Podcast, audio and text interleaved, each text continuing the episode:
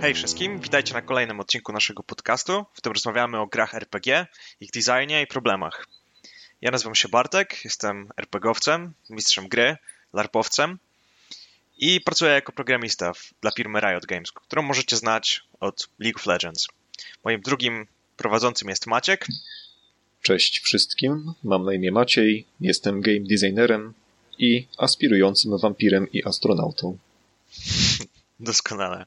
Doskonale. A, no dobrze, to witamy Was na tym odcinku. Naszym dzisiejszym tematem, nawiązując do poprzedniego, Są którym było. Zalety i wady aborcji.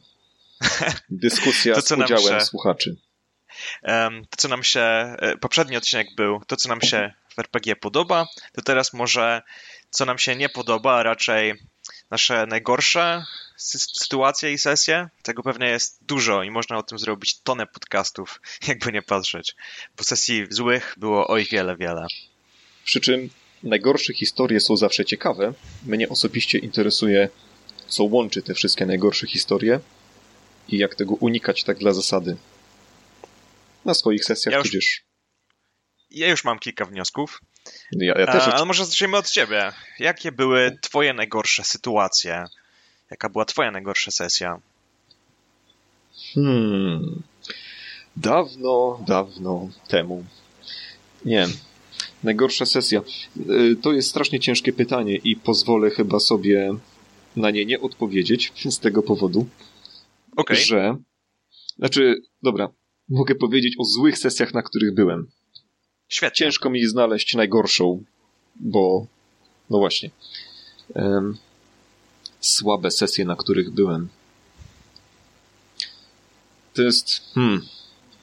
Weszliśmy w pułapkę trochę. Co jeśli to są sesje naszych znajomych, a zazwyczaj to są sesje naszych znajomych, i oni będą słuchać tego podcastu. No i co teraz? No widzisz, Więc. to y, może wytnijmy te kawałki, które były dla nas najgorsze.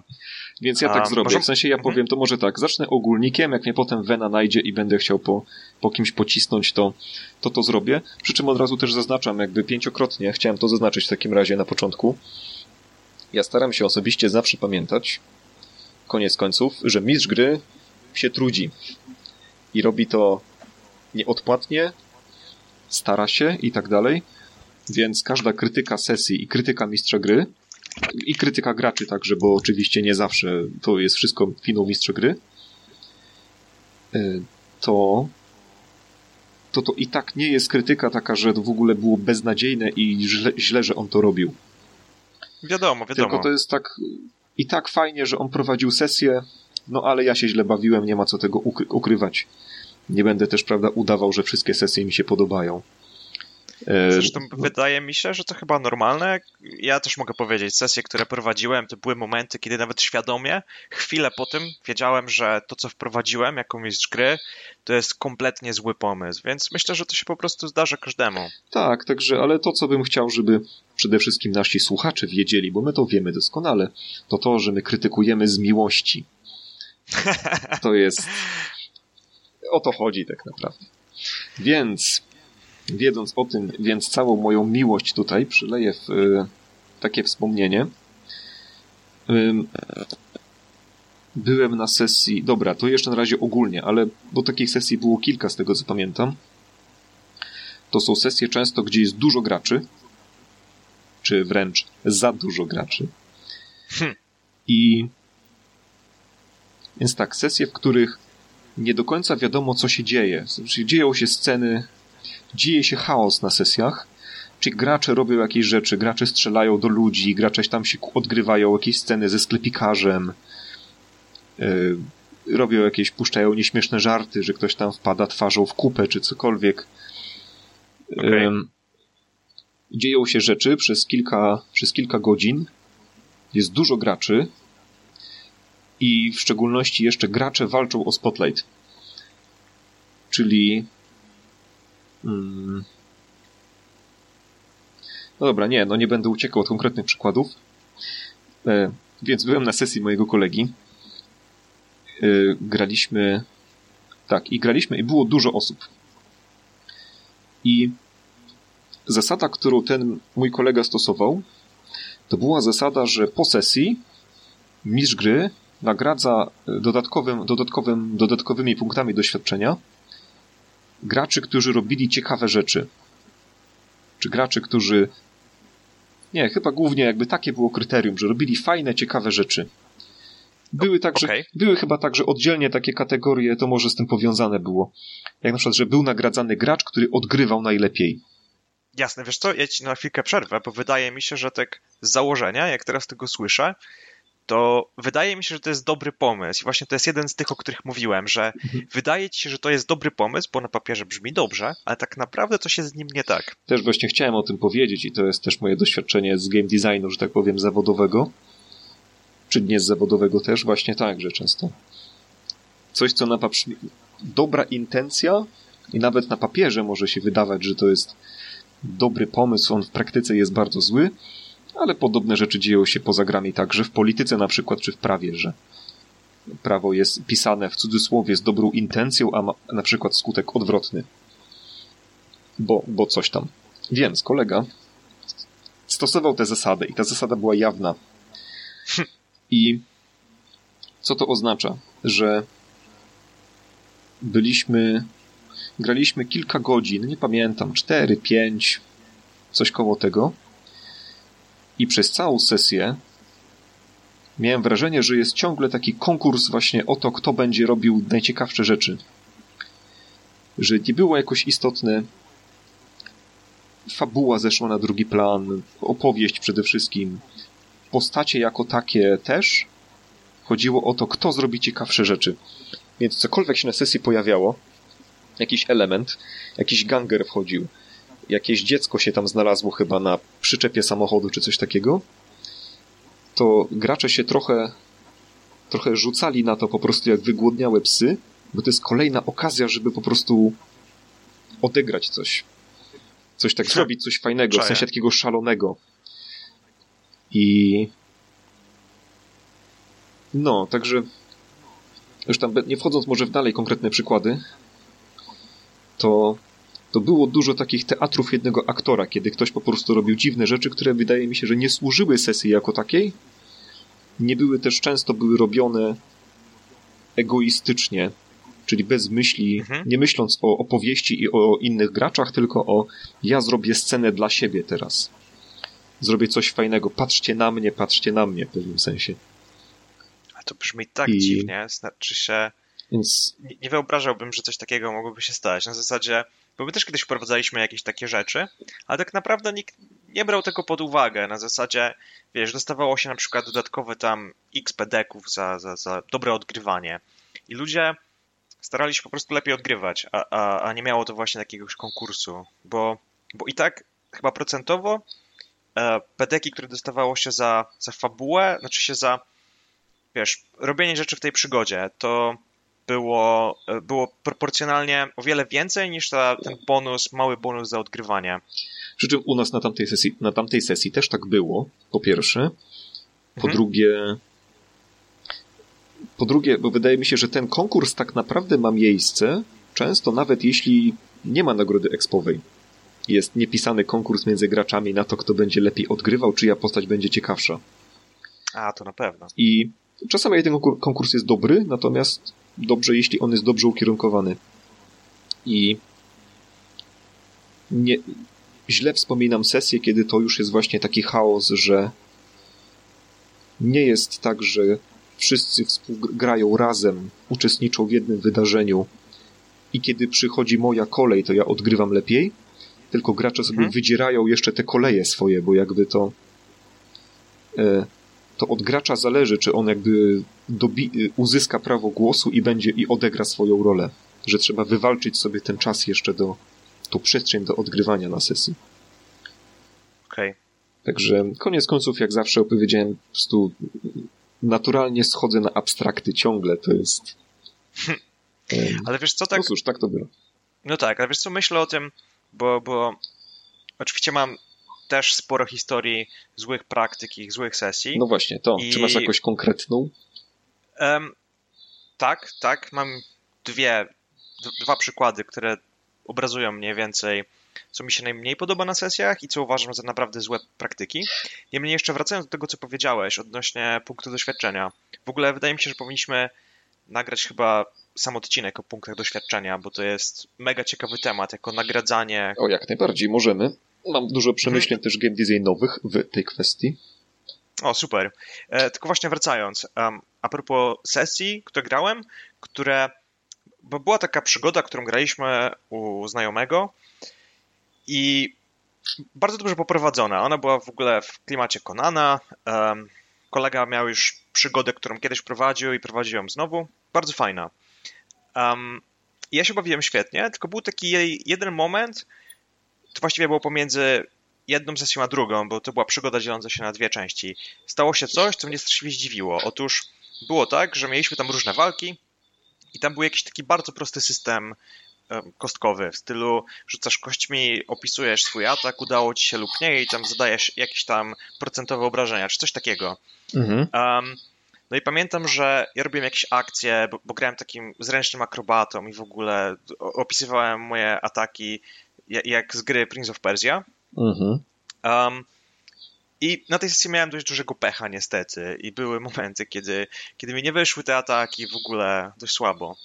Um, no ale to nic, jakby bawiłem się tak super. No i doszło do końca sesji i było nagradzanie expa, kiedy mistrz gry szedł naokoło i mówił każdemu graczowi, co sądzi o jego grze. To też jest dziwne, ale okej. Okay. Um, I powiedział do innego gracza, no ty miałeś dużo ak fajnych akcji, udało ci się fajnie zabić wrogów. Mm. No i dostał więcej punktów doświadczenia. I zrobiłem takie wow, czyli czekaj, czyli on dostał punkty doświadczenia za coś, no co tak naprawdę nie masz wpływu, no bo nie masz wpływu na to, jak rzucisz kostkami. I to mnie strasznie zdziwiło, że, że i powiem ci szczerze, że jak graliśmy następną sesję, to już na te walki, jak graliśmy, już patrzyłem na nie jakby na super nieistotne, bo ja tam nic nie mogłem zmienić. W stylu mogłem tylko rzucać kostkami i zobaczyć, co z tego wyszło. Mega dziwne. No, rozumiem, czemu to jest faktycznie nieprzyjemne, no bo jest. Mógłbyś oszukiwać, czy oszukiwać. Nie masz wpływu na, na swoje szczęście, no chyba, że mhm. oszukujesz. Natomiast no możesz tak. wtedy farmić na przykład, yy, wchodzić w możliwie dużo walk. I, I rob... farmić rannych wrogów. Też, ale zależy co tam mistrz gry nagrada na przykład, ale jeśli MG, MG pamięta to, czy wiesz, wykonałeś fajne krytyki i zabiłeś w fajny sposób wrogów, no to wdawaj się w możliwie dużo walk, bo wtedy zwiększysz szansę, że któryś z tych ataków będzie krytykiem. No tak. Ale tak ci, na boku, że... ale no, samo, samo jakby sposób działania faktycznie brzmi, brzmi dość paskudnie.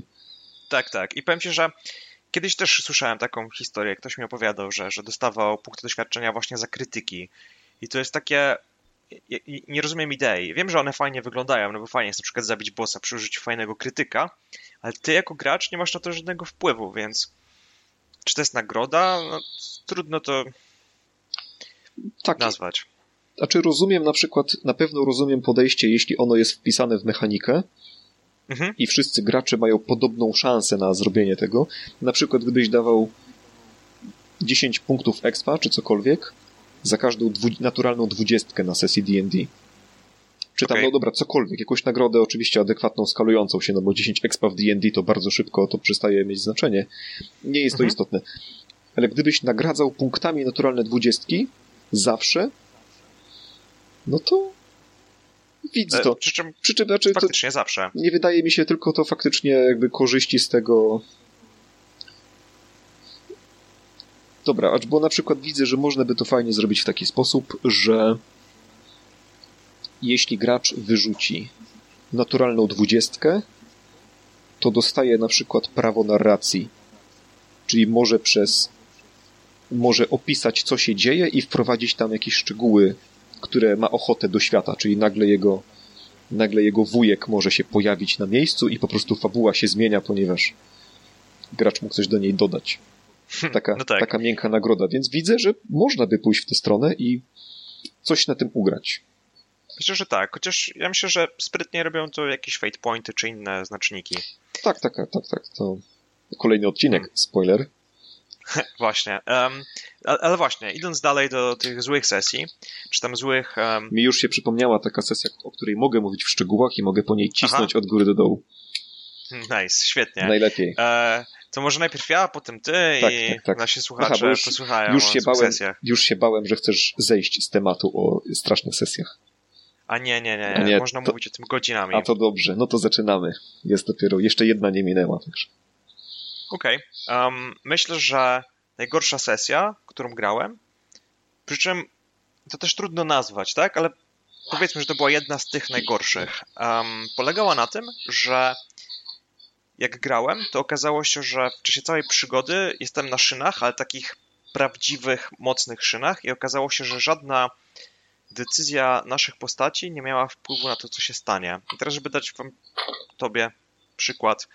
Um, pamiętam, że była taka sytuacja, że, że tam było miasto, to miasto było, było mm, w jakiś tam sposób um, dowodzone przez złego króla, czy tam coś takiego, bo to była trochę w takim lekko baśniowym klimacie, więc tam był zły król i bohaterowie różnych innych miejsc zebrali się, żeby rozwiązać tą sprawę i on był opanowany przez jakieś złą magię i złe kruki i coś takiego. Tak bardzo baśniowo. Fajnie to było. Mhm. No ale właśnie, idziemy do tego miasta. No i było tak, że ja e, wylosowałem postać, bo tam mieliśmy postacie do wyboru, wylosowałem postać rycerza i powiedziałem, że skoro wszyscy jesteśmy bohaterami znanymi na, na, świecie, to mój, to mój rycerz będzie taki, wiesz, taki dumny rycerz o takich ostrych rysach twarzy, który wygląda jak król, po prostu od razu widzisz, że to jest człowiek, który wygląda jak król i ma taką lśniącą zbroję i tak dalej. No i staraliśmy się wejść do tego miasta, ale tak niepostrzeżenie. Więc ja powiedziałem, że założyłem taki czarny płaszcz na moją, na moją zbroję, ale jak ktokolwiek się temu przyjrzy, to, to zobaczy, że, że coś tu jest nie w porządku. No i czekałem na jakąś fajną akcję. Um, albo od strony graczy, albo od strony NPC-ów, no bo to, to było takie dość to, było, to faktycznie było ciężkie, żeby się wejść do miasta niepostrzeżonym, przy, przy czym byli tam strażnicy. No i strażnicy do nas podeszli, powiedzieli, o, no jesteście tutaj, ale nie możemy was wpuścić. Na co trzeba było ich przekonać, przekonaliśmy ich i nas wpuścili. I koniec. I tak pomyślałem sobie wtedy, że cokolwiek by się nie stało, to i tak byśmy weszli do tego miasta, bo to, to nie był problem. A wszystkie inne decyzje, które podejmowaliśmy, one nie miały żadnego wpływu na to. I też była inna taka sytuacja, w której. Czekaj, ale um, widzę taką prowokacyjną też... scenę, jak mówisz ten. To ściągam hełm z głowy tego strażnika, sikam do niego, oddaję i mówisz i dziękuję. tak mi się wydaje, że tak było. Tylko, że nikt tego nie robił, bo wszystkim wydawało się, było, się głupie. Było. E, no i właśnie pamiętam, że wtedy była taka druga sytuacja, która już była super mega dziwna i wtedy przestałem grać z tą ekipą. Było tak, że, że, że tam była jakaś zupełnie inna sesja. Była jakaś księżniczka i my mieliśmy ją bodajże bronić, coś takiego. No i było tak, że ona tam zaczęła tańczyć na balu, my byliśmy na tym balu i nagle pojawił się jakiś czarodziej i on on wszedł na ten bal i on w magiczny sposób um, skupił swoją uwagę wszystkich na sobie, czy tam na jego efektach, które robił. Robił jakąś taką, chyba żonglował czymś takim magicznym. Um, no i w tym momencie powiedzieliśmy, że my chcemy jednak działać. No to on powiedział, rzućcie na jakąś siłę woli, czy coś takiego. Mój rzut się udał, więc teoretycznie mogłem działać. No i powiedziałem, że widzę tą księżniczkę, więc biegnę w jej stronę, przedzierając się przez ten tłum, po prostu rzucam się na nią, żeby ją, wiesz, przygwoździć do ziemi, czy coś takiego. I mistrz gry Oczywiście się, powiedział, z cnotliwych powodów. E, no, potem bym się z tego tłumaczył, ale wiadomo. On mówi, aha, i zaczyna opisywać, jak ten czarodziej rzuca jakieś zaklęcia i w ogóle dzieją się dziwne rzeczy, po czym nagle on i ta księżniczka znikają. A ja się pytam, ale co z moją deklaracją? A nie, nie, wiesz, nie zdążyłeś. 10 na 10. No więc no. poczułem się tak bardzo oszukany, że co ja właściwie tam robię? Po co ja tam w ogóle jestem? I powiem ci, jaka jest moja w ogóle... Co ja zawsze robię na takich sesjach, bo to jest dość fascynujące. Jak jestem na szynach, pierwsza rzecz, którą robię, to znajduję jakiegoś, jakąś NPC-kę dowolną i zaczynam ją podrywać, bo mistrz gry jest na to zwykle nieprzygotowany. Bo ja nagle pokazuję, że chcę robić coś innego. Zobaczmy co teraz. Wtedy dzieją się zawsze dziwne rzeczy. Ale no właśnie, chodzi o to, że takie odebranie, twarde odebranie możliwości gry graczom i skupienie się na tej no nie wiem, na, na fajnie wymyślonej fabule to, to, jest najgorsze. No bo co by się stało, gdybym przygwoździł tą, tą czarodziejkę, no oczywiście tą, tą księżniczkę, pewnie doszłoby do sceny walki z tym czarodziejem. I to byłoby całkiem fajne. I tak wiedzieliśmy, że on chce ją zdobyć, nie? No to doszłoby do jakiejś fajnej walki. No ale no niestety mistrz gry powiedział, mm, nie ma opcji. Także odebranie hmm. tego było jedną z najgorszych rzeczy, które miałem. Hmm. To, co mówisz po części, brzmi w ogóle jako dis po prostu na w ogóle na liniowe scenariusze. Tak, o, oczywiście. Można by, tylko... Może któryś ze słuchaczy właśnie wierci się w krześle i myśli sobie, o nie, oni nie lubią liniowych sesji, a liniowe sesje przecież są spoko. Też uważam, że liniowe sesje mogą być spoko, tylko wiesz, no mimo wszystko to musi zależeć od graczy. Muszą być momenty, których gracze, to oni mają wybór i na pewno jest jakiś tam, jest ograniczona ilość rzeczy, które gracze wybiorą, a jak wybiorą coś, czego się nie spodziewałeś, no cóż, no czas zacząć improwizować. Tak i nie. Będę bronił, chociaż sam za tym nie przepadam, a czy może rzadko mhm. gram liniowe scenariusze. Prawie, okay. ni prawie nigdy takowych nie prowadzę. Ja właśnie bardzo nie lubię sytuacji, kiedy mam taką pokusę jaką jest gry po prostu, że coś przepchnę, no, wsadzę sesję na szyny. Okay. Mam na myśli już taki hardkorowy sposób, bo w lekki sposób no to zdarza mi się często z różnych powodów, ale w taki hardkorowy sposób w sensie po prostu nie, nie możecie. Nie lubię tego bardzo, natomiast koniec końców rozumiem to podejście. Czyli było, no, w pewnym sensie jest jak grasz w napisane moduły, na przykład mhm. do takiego Dungeons and Dragons. Jeśli grasz sobie w Castle of Strad, który okay. jest, z tego co przyglądałem, jest bardzo fajnie napisanym liniowym modułem, mhm. no to co zrobisz, jeśli gracze zrobią coś, zrobią coś takiego, że w ogóle jakby zejdą, wyjdą poza moduł Ach. Jeśli będą chcieli podpalić zamek na przykład i logicznie to będzie miało sens. No ale 8 dziesiątych tego, co jest w module bazuje na tym zamku. Um, Więc hmm. rozumiem, że może można powiedzieć, że z dwojga złego lepiej obronić liniowość scenariusza, jeśli już gracie w takiej rzeczy. Oczywiście wracamy do tego, że jak najbardziej to powinno się robić po kontrakcie, czyli przed, sesji, przed kampanią, przed sesją umawiamy się, ej, słuchajcie, będzie liniowo. Hmm, tak. Um, Natomiast... Tak się zastanawiam nad tym, co mówisz teraz. Um, bo to może ja myślę, że... mogę hmm? powiedzieć inny. Um, mam przykład, bo już spisałem, to jest ciekawe w ogóle, spisałem y, dwie sesje sobie przed chwilą, takie, które pamiętam faktycznie jako takie złe, plus jedno wydarzenie z dawien dawna, z jednej sesji. Sesji już tam nie pamiętam całej, ale pamiętam jedno wydarzenie, które było takie... E, i co ciekawe, te wszystkie trzy przypadki to jest wampir. Więc przypadek. Ja powiem tak, ja nic, nie ja nic nie sugeruję, ja tylko obserwuję. E, Jeszcze pojawiła się tutaj. Korelacja nie oznacza wynikania, ale wiemy dobrze o co chodzi. E, co, co? Co mówiłeś? E, powiedziałeś też Castle of Strad, też wampir, wampiry, nie, wampiry z scenariusza. Ale, ale tu użyłem Castle of Strad jako pozytywnego przykładu, a nie negatywnego, także. A, widzisz, czyli da się coś wycisnąć z tych wampirów. Ja myślę, że um, tak, na przykład krew. Haha, bo... Znaczy, ja jeszcze myślę, że... Nie lubię grać łowcami w ogóle w wampira, to jest... Znaczy, Aha. rzadko gram w wampira, ale jeśli, jeśli tak, to ciążę ku postaciom łowców. Nice, wszelkiego nice. rodzaju. Ale jeszcze odnośnie tego, co mówiłeś, czyli obrony liniowych scenariuszów. Okej, okay. jeżeli... Wydaje mi się, że jeżeli tak faktycznie weźmiemy naszą, nasze liniowe scenariusze, czyli gracze chcą podpalić zamek, a cała kampania jest napisana chodzenie po tym zamku.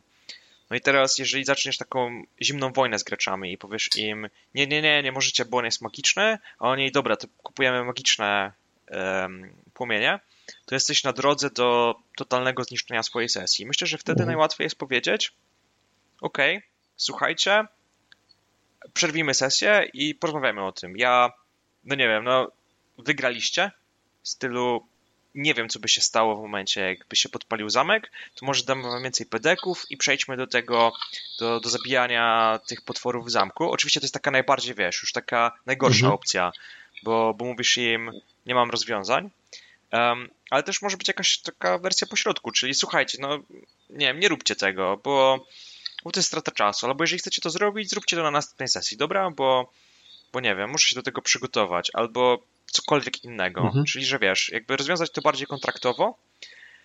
Um, no właśnie. Znaczy się zgadzam myślę, generalnie, że... jak najbardziej mhm. się zgadzam i też się zgadzam, że kontraktowo. Znaczy czasem są takie można te subtelne sugestie, czyli że NPC na przykład zaczyna mówić, że wiesz, no wychodzi ta księżniczka zapłakana i tak, ale naprawdę, bohaterowie, no zróbcie to, proszę was. Jesteście moją jedyną nadzieją i wtedy mistrz gry także puszcza porozumiewawcze mrugnięcia do graczy. Także już po prostu wszystko, ten krok przed tym, żeby jeszcze tego nie powiedzieć tak już dobitnie, ale e, no ale wiemy, że o to chodzi. No tak, tak. Ja myślę, że. Znaczy, właśnie... to jest cały, w sumie myśl, myślę, że to jest po prostu duży temat liniowych mhm. scenariuszy w ogóle. Brzmi to jak temat na inny podcast. Tak. E, przy czym jak najbardziej powiedzmy, rozumiem, że po prostu. To nie, czekaj, może pytanie. Czyli koniec końców nie lubisz liniowych scenariuszy, zwłaszcza takich, do których przychodzisz na sesję z oczekiwaniem, że nie będzie liniowo, że będziesz mógł coś zrobić, a się okazuje, że nie możesz. Nie, nie, nie. Myślę, że to jest złe pokazanie tego. Ja myślę, że ja, ja lubię liniowe scenariusze, bo liniowe scenariusze są o tyle ciekawe, że jesteś w stanie odkryć fabułę, bo o to też czasami chyba trochę chodzi, że, że wiesz, przychodzisz i nagle dowiadujesz się na temat jakichś tam ciekawych zagadek, fabuł, które przygotował mistrz gry i tak powoli je odkrywasz i masz takie aha, i ciągle czujesz się zaskoczony i wiesz, dowiadujesz mm. się mhm. takich tam informacji i to jest bardzo fajne. Chodzi mi o to, że nie lubię tego, jeżeli moja, mój, mój wybór jest mi zabrany. Czyli weźmy jeszcze raz ten przykład z tą księżniczką, na którą moja postać chciała się rzucić, żeby ją osłonić, żeby wiesz, żeby nikt nie mógł jej porwać, bo domyślałem się, że coś takiego się może stać. Um, no i tak, myślę, że można byłoby to rozwiązać na zasadzie, mistrz mógłby powiedzieć, w tym momencie leci w ciebie snop mocy, który odpycha cię i uderza cię z trzaskiem o ścianę, rzuć na zręczność, czy uda ci się tam, nie wiem, obronić przed tym, żeby nic się nie stało. I teraz zobacz, to jest tak naprawdę zmienienie w ogóle zupełnie sytuacji. To już, to już się stało, tak? Czyli nie mam możliwości ochrony księżniczki, bo pewnie w następnym mhm. turze on się przeteleportuje, ale mój wybór został powiedziany tak jest i jakby podczęła się historia w inną stronę, bo, bo ja coś zadeklarowałem i mistrz gry dalej broni swojego linowego scenariusza, ale jednocześnie bierze pod uwagę, co ja wziąłem i daje mi możliwość, znaczy bierze moją reakcję pod uwagę. Mhm. W momencie, jak to się nie dzieje, to, to jest trochę dziwne, bo, bo, bo jakby po co gramy? Po to, żebym był, no nie wiem, jeżeli zastąpić mnie tak naprawdę kukłą, wyciętą we mnie, to stałoby się dokładnie to samo. Tylko właśnie się zastanawiam się, bo mhm. no bo granie kukłą, która, która, nie ma, która nie zmienia fabuły, mhm. poza tym, że to się nazywa Warhammer, to jest także dobra, przesadzam teraz, w Warhammerze to nie jest jakby wpisane, y, no, na tym polegają zazwyczaj liniowe scenariusze. Mam na myśli ten klasyczny przypadek właśnie tych takich modułów kupnych, no bo jeśli MG ci napisze liniową sesję na podstawie twojej postaci, to jest trochę inna działka. Mhm. Ale jak kupujesz Castle of Strat, to jesteś kukłą.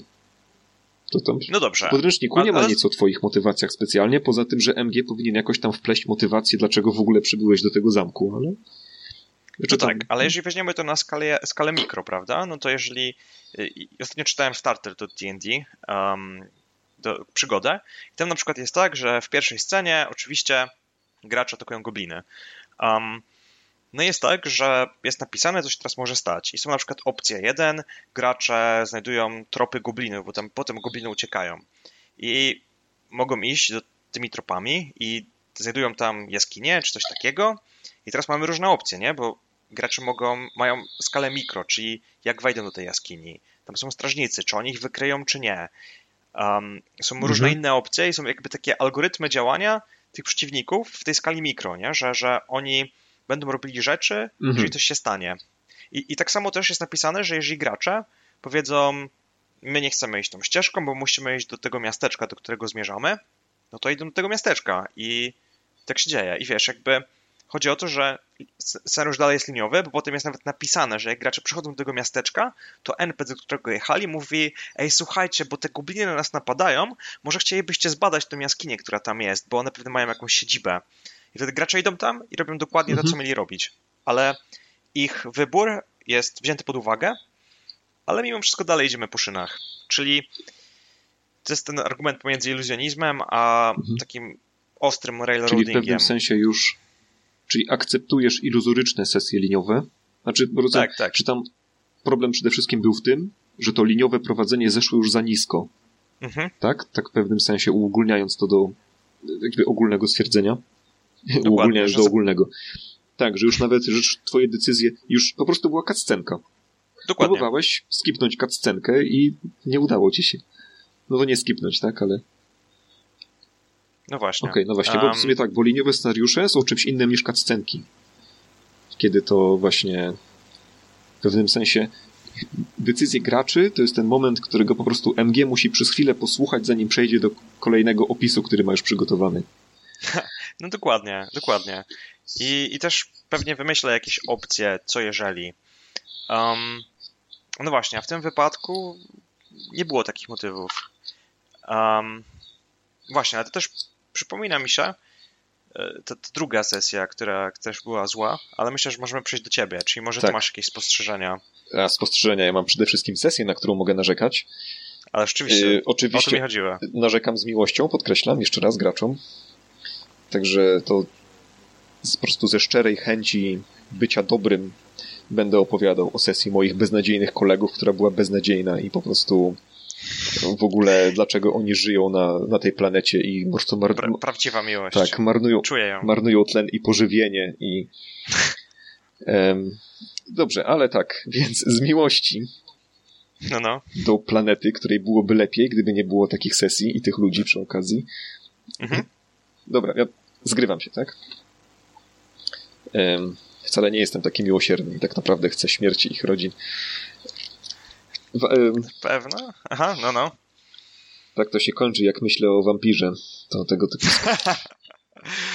o mój Boże, no tak. Więc nie. Nie, sesję prowadził. Yy, więc tak, to był wampir. Nie pamiętam, czy maskarada, czy rekwiem nie ma znaczenia. Wampir. Kolega prowadził. To była taka kampania, z której yy, uczestniczyłem w kilku sesjach i w którymś momencie stwierdziłem po prostu, że dość. Czyli koledzy grali dalej jeszcze przez jakiś czas ja po prostu już wiedziałem, że to były sesje dla mnie 1 na 5, czyli po prostu wolę zostać w domu i patrzeć w ścianę, niż być na tych sesjach. Dobra, patrzeć w ścianę może nie, no ale naprawdę robienie czegokolwiek innego było atrakcyjniejszą opcją. I, Znam te rzeczy. Um, o co, jaki tam był głównie problem? To był wampir. On się dział, ta kampania na przestrzeni e, był motyw na przestrzeni wieków, czyli zaczęło się kiedyś tam w średniowieczu i potem był skok czasowy i kampania się przyniosła do czasów współczesnych. Brzmi jak fajny pomysł. Brzmi Aha. jak fajny pomysł, ale nie jest. Hmm, Też został. Poszło nie tak. Kolega go zmarnował, moim zdaniem, zdecydowanie. Znaczy, może tak. Ech. Ale to od początku o co chodziło, bo zarówno w tym średniowieczu, jak i w czasach współczesnych działo się dokładnie to samo. To znaczy, pracowaliśmy dla jakiejś organizacji, która była bardzo potężna, mhm. zmuszała nas do wykonania questów, znaczy dostawaliśmy po prostu propozycje nie do odrzucenia i oni i dos... to byli, to prawie zawsze była jakaś taka chyba pseudo-inkwizycja, która miała takie rzeczy po prostu jak miotacze ognistych święconych kołków. Trochę, okay. przesadzam trochę, ale nie aż tak bardzo. Hmm. I oni po prostu mówili, gdzie mamy iść i co mamy zrobić i dla nas alternatywą była śmierć, no bo oni nie, nie, nie, nie było odpowiedzią dopuszczalną. I to się mniej więcej działo w średniowieczu z jakimiś takimi akcjami, że po prostu ledwo kończymy questa, to tam wychodzi jakaś inna organizacja, nas otaczają, po prostu mają nas na celowniku i mówią, o, chodźcie z nami. Więc nie pamiętam, ja już, miałem, już byłem w takim trybie, że już po prostu próbowałem nie pamiętam, czy ja miałem takie deklaracje faktycznie, czy tylko żartowałem, jakby, że już próbuję popełnić samobójstwo postacią. Już po prostu próbuję zrobić cokolwiek, nabić się na pal, zobaczyć, co się stanie. Wow. Bo ewidentnie, no bo ewidentnie po prostu moje, moja obecność tam nie ma żadnego znaczenia. No Jestem, właśnie, poka- to pokazują, to, pokazują mhm. mi, gdzie mam iść i i tyle. Fabuła w sumie jakby no toczy się, nie wiem w sumie o czym, tak? O tych organizacjach chyba, może. To było nawet potem, bo myśmy robili jakieś te questy dla takiej, dla tej inkwizycji, czy jakiegoś tam innego potężnego stowarzyszenia. Bo tam była chyba jakaś akcja w stylu, że jakaś zła organizacja A nas tam kontroluje, Aha. więzi i nam mówi, co mamy robić. I gdzieś tam idziemy i nagle to zostaje, wychodzi inkwizycja i pokonuje tą organizację A i teraz inkwizycja okay. ma nas na celowniku i inkwizycja nam mówi, co mamy zrobić. Mogłem, mm. może źle pamiętam, ale to coś w tym stylu było w każdym razie. Jakby na pewno tak, takie poczucie, tak, że nie ma znaczenia, co się stanie, koniec końców ktoś nam powie, gdzie mamy iść i nie będziemy mogli odmówić. Masakra. Myśmy potem jakoś jakoś tam zapadliśmy w sen, nie pamiętam, czy zostaliśmy przywaleni gruzami, czy zostaliśmy jakoś tam ogłuszeni magicznie, nie pamiętam. Obudziliśmy się, prawda, 600 czy tam 500 lat później, e, w czasach współczesnych. I tu myślę, że kolega zmarnował niestety jakby główną zaletę tego skoku czasowego, bo myśmy się obudzili w jakichś takich zbiornikach, bo to była znowu jakaś organizacja, która miała technologię do potężną, takie Bacta Tanksy mniej więcej ze Star Warsa.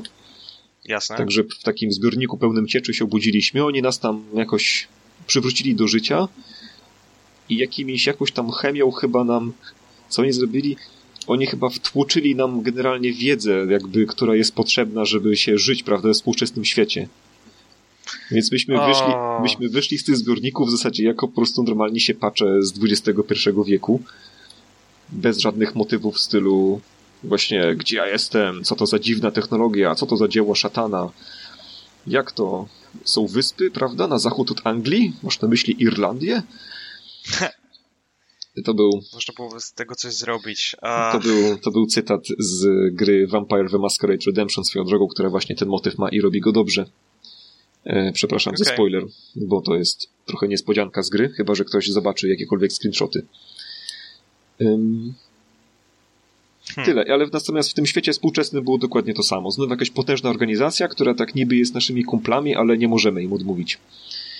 E, to brzmi tak smutnie, naprawdę. Także i jeszcze i co gorsza w tym wszystkim, myśmy no, tam chodziliśmy, robiliśmy te questy, natomiast tak naprawdę wszystkie główne decyzje i główne akcje podejmowali NPC.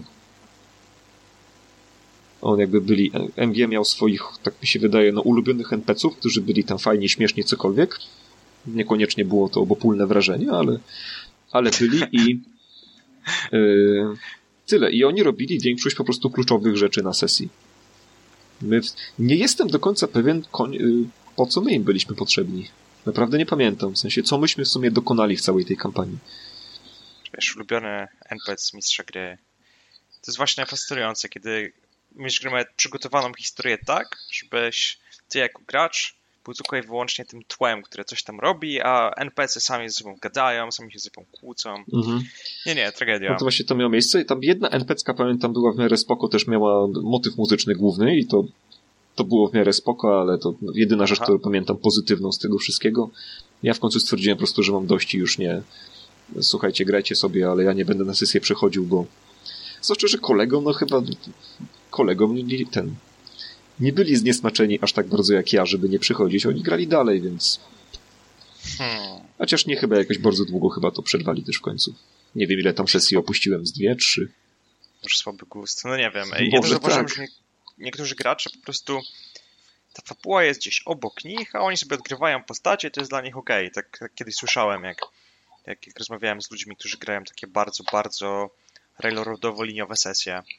Um, ale wiesz co, mi też to przypomina się mm, właśnie ta, ta, ta druga, jedna z gorszych sesji, które grałem. Przy ona nie była najgorsza, tylko ona była zła z zupełnie innego powodu i jak tutaj mówiliśmy właśnie o takim pozbyciu się e, możliwości decyzji, na tej sesji było troszeczkę inaczej i to było też dla mnie fascynujące.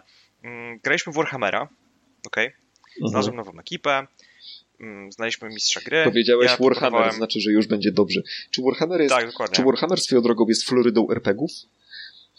Że jak, Florydą? Jak, jak, opo jak opowieść zaczyna się od była sesja Warhammera, to już wiesz, że będą dziwne rzeczy się działy. No tak, tak. Um, było ich dużo złych sesji. No, no, dobra, zacznijmy od tego, że ja proponowałem Savage Worldsy, kolega powiedział, że on dawno nie prowadził i on chciałby prowadzić. No to stwierdziliśmy, ok. Zobaczymy jak będzie. Mm, zaproponował nam Warhammera, zaproponował nam rzucanie na postacie. Rzucaliśmy na postacie. Ja wylosowałem cyrkowca, stwierdziłem, cyrkowiec brzmi fajnie. Rzucałem nożami i tak dalej. Um, no i właśnie, zaczęła się sesja i, i był taki straszliwie długi początek, na zasadzie, że, że gracze przyjeżdżają, znaczy różni przyjeżdżają.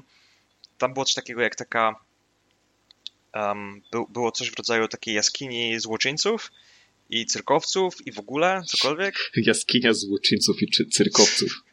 Nie mam zielonego pojęcia. I tam były jakieś no, na razie to brzmi jak nielegalne, rzeczy, nielegalne rzeczy. Inni gracze przyjechali tam, żeby rozmawiać. I pierwszy motyw, nie byliśmy połączeni w drużynę. Mieliśmy się połączyć w drużynę. Co było ciekawe, bo nie mieliśmy w ogóle takiej sceny, czyli nie było sytuacji, w której ktoś powiedział przywitajcie się, tylko każdy robił jakieś losowe rzeczy.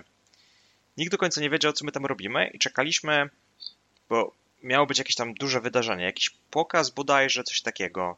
No i wszyscy czekali na ten pokaz. Nie mieliśmy takiego skip forward, czyli przez chyba 45 minut każdy z graczy robił jakieś takie losowe rzeczy. W stylu jeden koleś był ochroniarzem czy coś takiego i tłumaczył innym, jakie ma, jakie ma techniki walki.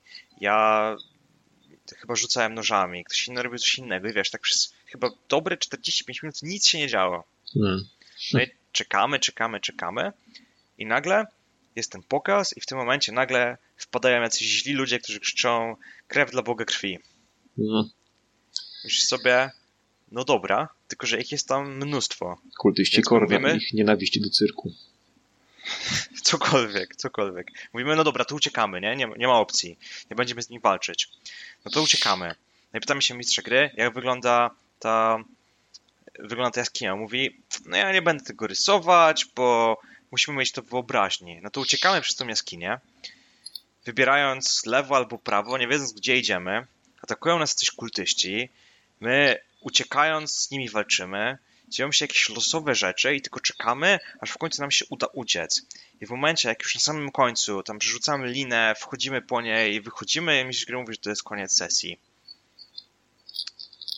I my do końca nie wiemy, co się stało, mm. dlaczego i co, co, się działo. I wiesz, chodzi mi o to, że to chyba jest to, o czym mówiłeś, że, że ta sesja nie miała żadnego takiego, nie miała powodu, co my robimy. Było tylko takim...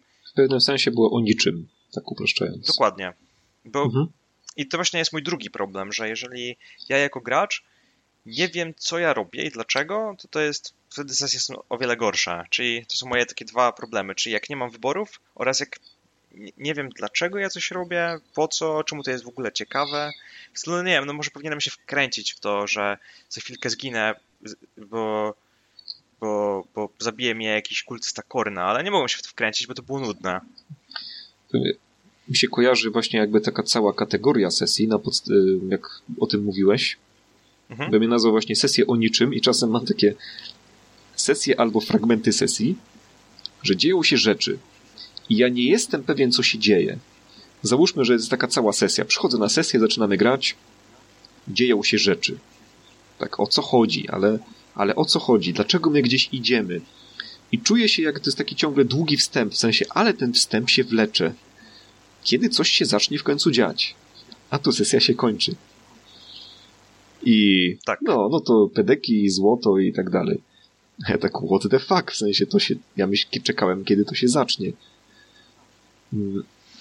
Czasem są sesje, myślę, takie jak też jak Batman e, Dark Knight Rises, kiedy kiedy czujesz, że początek już się skończył. W sensie chcesz się dowiedzieć o co chodzi, czekasz, czekasz, czekasz, ale orientujesz się, że chyba się nie dowiem, to chyba już się wszystko zaczęło. No to hmm. też mi się czasem tak no, że jeszcze ja jeszcze ciągle nie wiem o co chodzi, trochę czekam aż się dowiem od mistrza gry czy gdziekolwiek, natomiast wyczuwam podskórnie, że aha, to już chyba jest po tym momencie. Już powinienem wiedzieć. No tak. No. no. i wtedy dalej nic nie wiesz. Ja, ja, ja powiem ci jeszcze To jest zawsze pytanie, ono, ono może być indywidualnie, tak? Może wszyscy poza mną wiedzą, tylko ja nie wiem, ale może, zaryzykuję może. twierdzenie, że czasem ten problem jest zewnętrzny, a nie zawsze jest przyczyną tego, że przychodzę na sesję całkowicie pijany. znaczy, mi się wydaje, że, że niektórzy po prostu potrafią może znaleźć swoje własne takie małe um, cele. Przy czym znaczy, jeśli, ja... jeśli cię w ogóle nie obchodzi fabuła i jesteś naprawdę power hmm. gamerem, który tylko i wyłącznie walczy, no to może cię to nie obchodzić na przykład. Tak, Albo tak. jeśli... Wiesz, na przykład Mhm. Albo jeśli jesteś aktorem tylko swojej postaci. Power że... Gamera, nie? Mhm. To, to na przykład na tej sesji, gdzie graliśmy, ja nawet bym przyjął chyba z jakimś takim um, nie wiem jakby to powiedzieć, że jeżeli na przykład atakowałoby nas 10 kultystów i, i my byśmy z nimi walczyli, ja bym widział ty, tych 10 kultystów, którzy mogą, wiesz, zginąć. I na przykład byśmy robili na nich cały czas pułapki. I wiesz, staralibyśmy się ich w jakiś sprytny sposób zabić. Wiedzielibyśmy, że na przykład nie możemy ryzykować walki jeden na jeden, tylko musimy, wiesz, na przykład zrzucić na nich jakąś ciężką rzecz, czy cokolwiek, to to byłoby super, ale ci kultyści spawnowali się znikąd, jakby rozumiesz, że mhm. my biegniemy i nagle słyszymy krzyk z prawej strony korytarza i tam biegnie na nas biegnie nas kultysta, my tak, no dobra, nie, no to ja staram się go tam odepchnąć i biegniemy w lewo. No i potem czy ty widzisz, biegniemy i potem z prawej przybiega. Mhm. Czy widzisz to spotkanie, które tam ma miejsce 6 godzin wcześniej, jest spotkanie kultystów Korna. Tam mhm. jest jakiś, wiesz, stół z przekąskami, jakaś tam, wiesz, zebranie i tak, no panowie, no, no zaczynamy spotkanie. Słuchajcie, zaatakujemy cyrk. Nienawi nienawidzę cyrków. Będziemy zaatakować cyrk. I musimy zabić wszystkich cyrkowców. Jak uciekną w jaskinie, nieważne, macie ich gonić i pozabijać. Pamiętajcie, żeby głośno krzyczeć, lecąc na nich z nożem w ręku, żeby ich pozabijać. Bo dokładnie. Tak, te... tak, świetny plan. Dokładnie tego chce Korn od nas. Jesteśmy kultystami Korna, więc dokładnie to będziemy robić. Um, ale właśnie, zapomniałem ci powiedzieć najlepszą część tej sesji, bo. Um, no więc sesja się skończyła i mój drugi współgracz, który grał, był bardziej, nie wiem, nazwijmy to bardziej wokalny w swojej opinii. On powiedział, że ta sesja była beznadziejna. I on mm. się bawił źle i on nie ma zielonego pojęcia, co tu się działo i dlaczego my to graliśmy. Brzmi jak ja. Um, no i mistrz gry. Okej, okay, ten, ten feedback nie, nie, był powiedziany aż tak bardzo, nie? Był, ale był dość taki szorstki. Mhm. I mistrz gry powiedział, nie, wy się nie znacie, to była świetna sesja, obraził się i, i było kwaśno. Mhm. Zamiast pójść z nami w jakiś dialog stylu, dobra, nie, nie zgadzam się, mi by się ta sesja podobała, ale powiedzcie mi, które dokładnie elementy były dla was nie tak. No bo może być tak, że się, nie wiem, mamy inne oczekiwania od sesji. Normalne. Ale tutaj było naprawdę ciężko i właśnie też chyba ta cała mieszanka takiego, wydaje mi się, wręcz niechęci do pasowania tego do, do, do naszych oczekiwań, bo my chcieliśmy coś zupełnie innego. Zresztą nie wiedzieliśmy, czego chcieliśmy, bo graliśmy w Warhammera rzucając na postacie, więc nawet trudno było powiedzieć, o czym jest, będzie ta sesja. Mhm. Um, właśnie. Um, Tylko wydaje mi się, że także... dochodzimy trochę też do innego tematu, tro, tro, tak um, ocieramy się o temat feedbacku w ogóle, mhm, który jest to ciężki. Też dobry ja, pomysł. Ja pamiętam sam na przykład, miałem taką sytuację, miałem sytuację, kiedy znaczy kilka, ale jedną na pewno konkretną. Popełniłem jeden z, po prostu z ewidentnych takich no, grzechów mistrza gry. Mhm. Zrobiłem taką sytuację, że y, Dungeons and Dragons, czwarta edycja, gracze rozmawiali z elfami. Szli przez jakiś las, spotkał ich patrol elfów, coś takiego. I oni z tymi elfami gadali, elfy były nieprzychylne, gracz chciał rzucić dyplomację, na co pozwoliłem i chyba nawet podałem DC, w sensie ile musi rzucić. Gracz rzucił, zdał, ale mimo wszystko mu się nie udało, w sensie jakby ten elf nie został przekonany. Czyli pomimo tego, że gracz wrzucił sukces, to ja fabularnie w zasadzie nie osiągnął tego, czego chciał. Uuu, to Więc to jest grzech. Tak, to jest grzech. Ja to zrobiłem w sensie, i to, to była ciekawa sytuacja, ponieważ ja dość szybko, jakby naturalnie wiedziałem, że tak, to co zrobiłem było słabe. Y, no tak było, no jak się improwizuje, no to czasem, czasem się ma wpadki, to była jedna z większych. I gracz mi to wytknął, natomiast pamiętam, że miałem jakby duży, duży opór, żeby się z nim zgodzić. I jeszcze pomimo tego, że wiedziałem, że ma rację.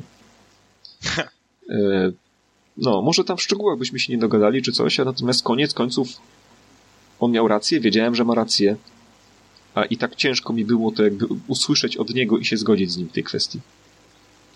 No tak, Więc... ale też pokutuje chyba właśnie ten problem tego, o czym rozmawiamy od podcastu numer jeden, o tym, że, że właśnie w tych klasycznych RPGach mamy mistrz gry ma zawsze mieć zawsze rację i to też troszeczkę ja, ja, ja może tak aż często nie miałem, ale, ale też tak czułem, że jak na przykład robię coś, wiesz, pomyliłem się na przykład, albo zrobiłem coś nie tak, wtedy było mi takie, kurczę, nie, jest mi głupio. Oni teraz, oni, oni wiedzą, że ja, że ja, że ja na przykład czegoś nie wiem. Na przykład było tak, że ktoś się mnie pytał na, na sesji o jakieś informacje, ja tak, kurczę, no nie wiem.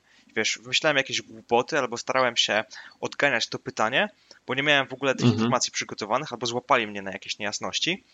I właśnie, no nie, nie przyznasz się jako mistrz gry, bo, bo jako mistrz gry musisz być taką alfą i omegą i, i mhm. musisz wiedzieć wszystko, musisz znać wszystko i tak dalej. Tak, a to przychodzi także na wiedzę ze świata rzeczywistego.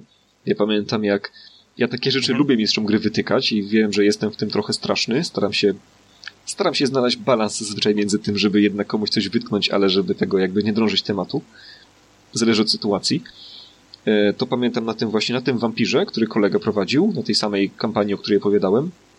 Tam była jakaś taka akcja na przykład, że było miasto i ono było w jakiejś takim, no w takim leju zbudowane, z tego co pamiętam.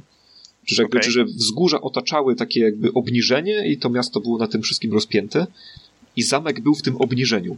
Że miasto miało zamek i zamek był jakby na, w najniższym punkcie miasta.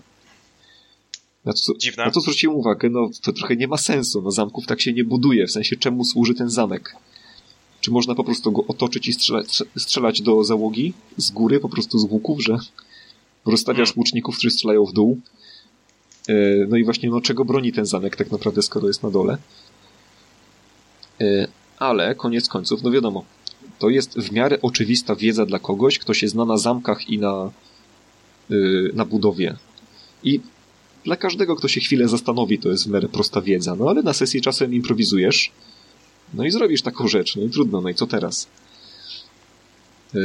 Ja, jest... ja nawet nie pamiętam takich rzeczy, ale, ale nasz wspólny kolega Mikołaj powiedział mi taką historię, że jak on improwizował kiedyś i był taki pełen, że wiesz, mam wszystko przygotowane, wszystko jest ogarnięte i przygotowałem mnóstwo NPC, mam wszystkie informacje i pierwsza minuta sesji mówi tak, że widzicie taką ideiczną sytuację, jest rzeka i ta rzeka rozdziela się na dwie części, a gracz tak hola hola, tak nie działa, chwilę, no rzeki nigdy się nie rozdzielają, chyba, że to jest delta. On mówi, nie, to nie jest delta.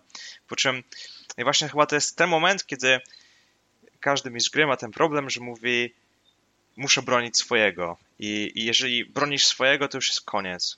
Muszę mhm. powiedzieć, ok, zmieńmy to, nie? Na przykład zróbmy trochę inaczej. Potwierdzam. I Mikołaj, Mikołaj z tego bardzo dobrze wy, właśnie wyszedł z tego, powiedział, aha, okej, okay, nie znałem się na rzekach i może faktycznie jest to logiczne, no to zróbmy tak, że nie było tego, albo odwróćmy tą rzekę, że to są dwa dopływy i spoko. Mhm.